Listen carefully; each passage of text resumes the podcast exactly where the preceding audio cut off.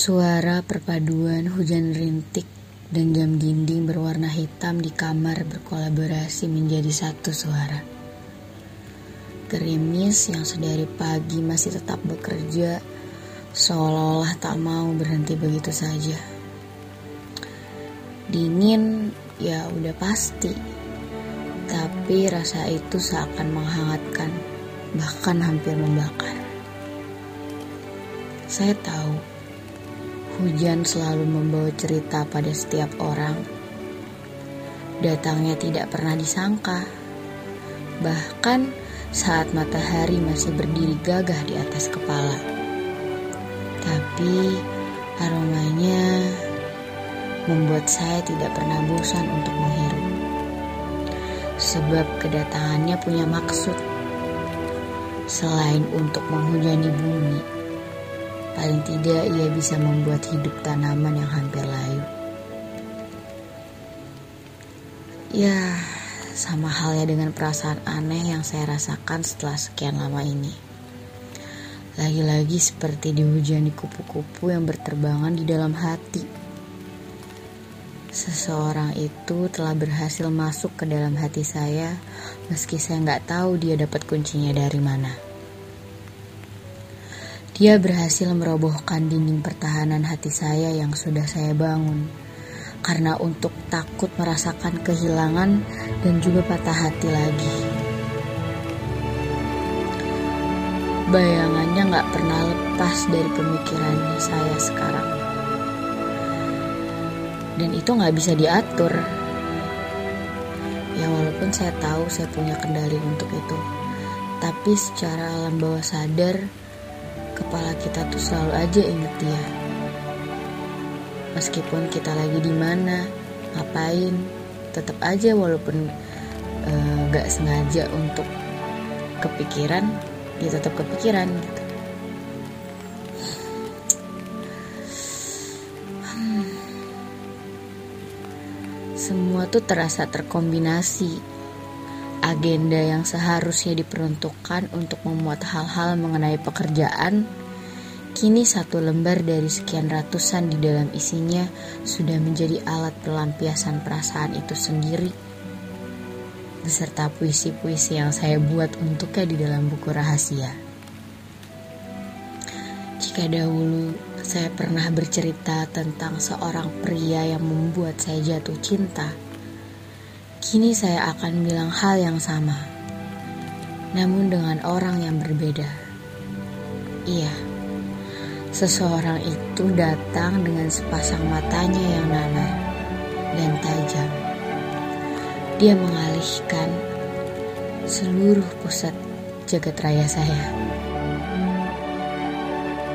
Dia mengalihkan segala dunia saya yang dulu selalu tertuju kepada satu orang yang dulu menjadi alasan untuk tidak lagi sanggup dan berani untuk jatuh cinta lagi adalah dia dengan kepribadian yang sama sekali jauh dari apa yang saya bayangkan. Dia yang datang dengan segala kemisteriusannya yang punya dunianya sendiri, kemudian perlahan bersedia berbagi dengan makhluk aneh seperti saya. Memang tidak memenuhi kriteria tapi entah saya terlanjur jatuh cinta dengan segala pemikirannya. Adalah sepasang matanya yang membuat jantung saya kembali berdetak jauh lebih kencang. Setelah saya kira lupa gimana rasanya lagi untuk ngerasain perasaan ini. Tentang mata yang sedikit memerah itu. Namun selalu mampu menjelma menjadi tombak hingga bom atom yang meledakkan seluruh jagat raya berlebihan memang. Tapi untuk seseorang yang tengah jatuh cinta, hal itu menjadi sesuatu yang wajar.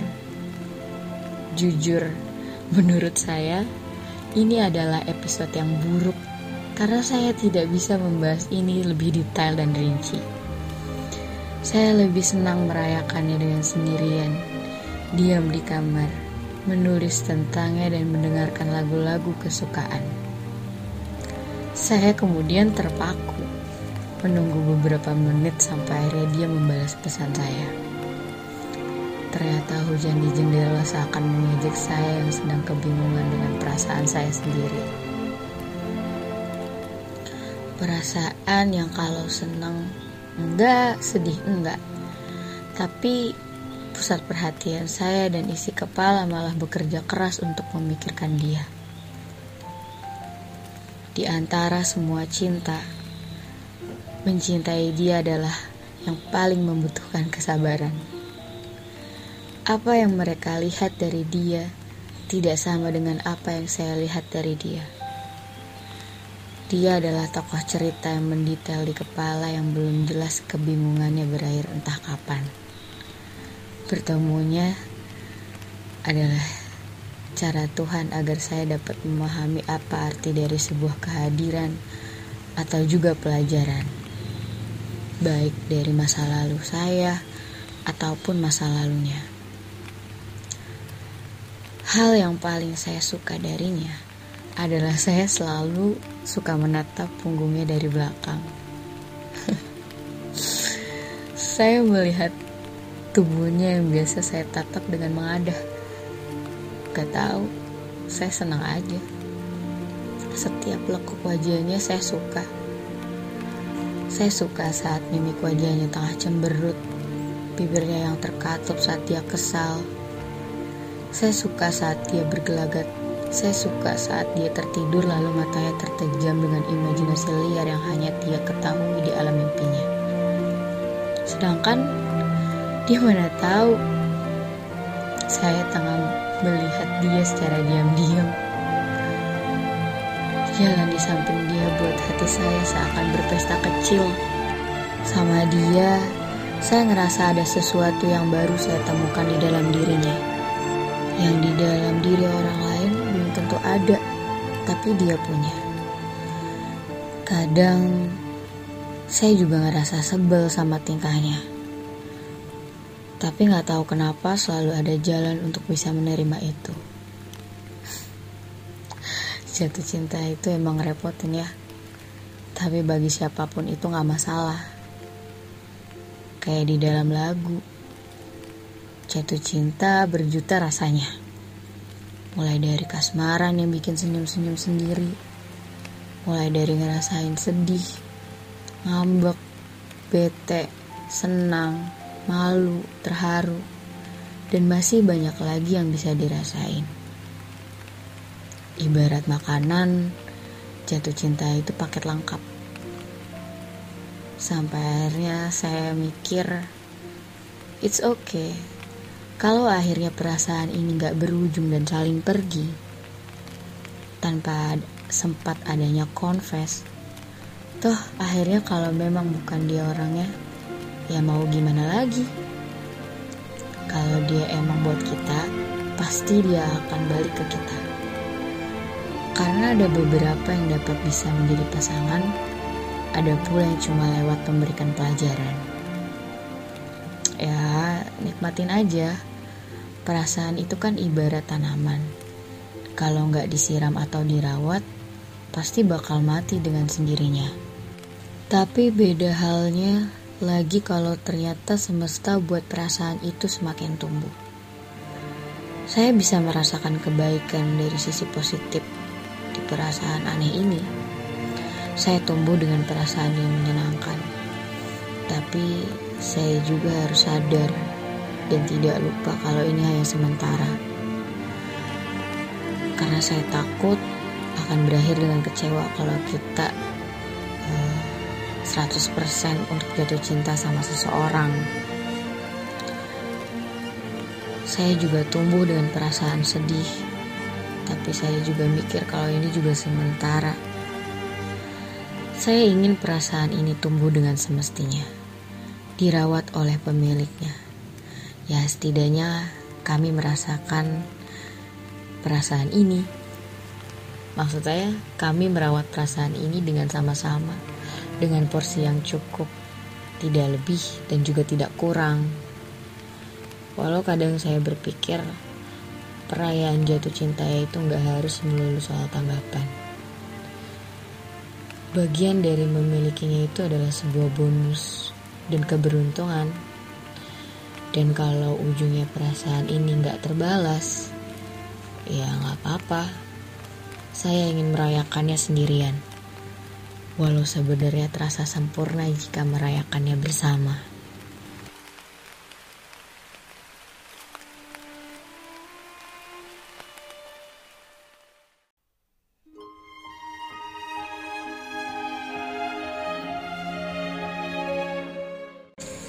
Pada suatu hari, di tahun yang gak bisa saya sebut angkanya, di tahun yang di mana saya hampir saja benar-benar menyerah.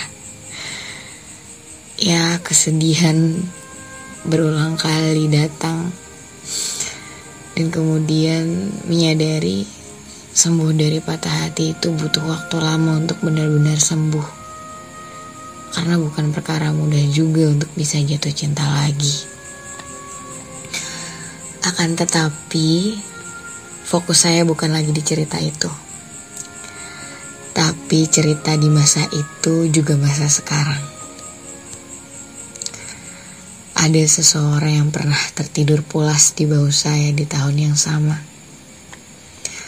Dia yang kebetulan duduk di samping saya namun gak pernah sadar ketika menyadarinya di masa depan. Sampai akhirnya cerita itu saya ceritakan kembali sama dia. Saya bilang ke dia tentang saya merasa ada kepala yang tertidur di bahu saya hingga lelap. Sampai saya gak bisa menyuruh dia untuk menggeser kepalanya. Dan itu cerita yang lucu yang kemudian pada akhirnya saya ceritakan pula tentang kejadian itu.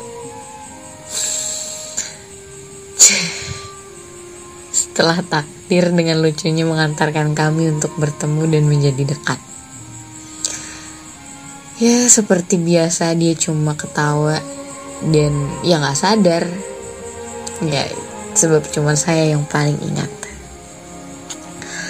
Entah gimana cerita ini berlanjut tanpa disadari, saya dan dia telah membangun ruang bersama. Ruang yang awalnya membuat kami ragu untuk saling mengisi.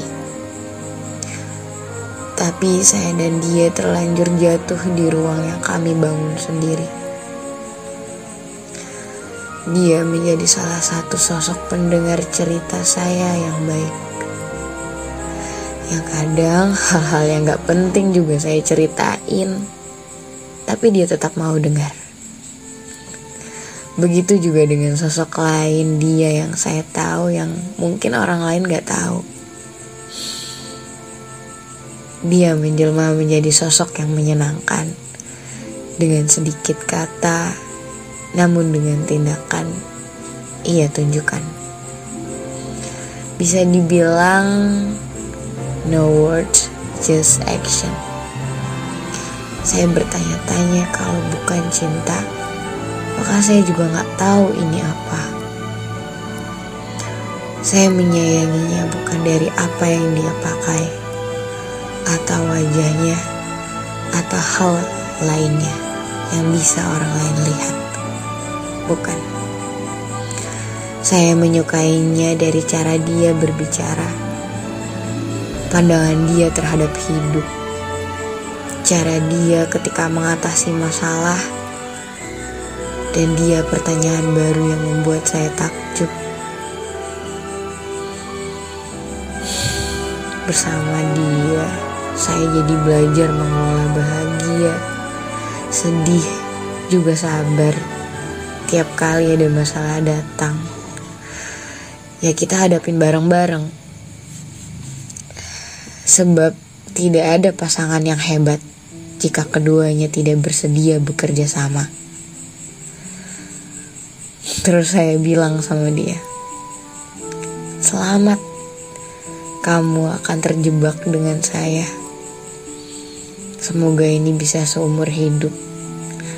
Jadi, gak boleh ya melambaikan tangan ke kamera atau kasih gigi mundur kita gunakan waktu yang sempit ini untuk membicarakan apa saja, baik tentang film, buku, lagu, hal-hal random, danau yang tenang, atau keinginan-keinginan kita yang berusaha untuk diwujudkan.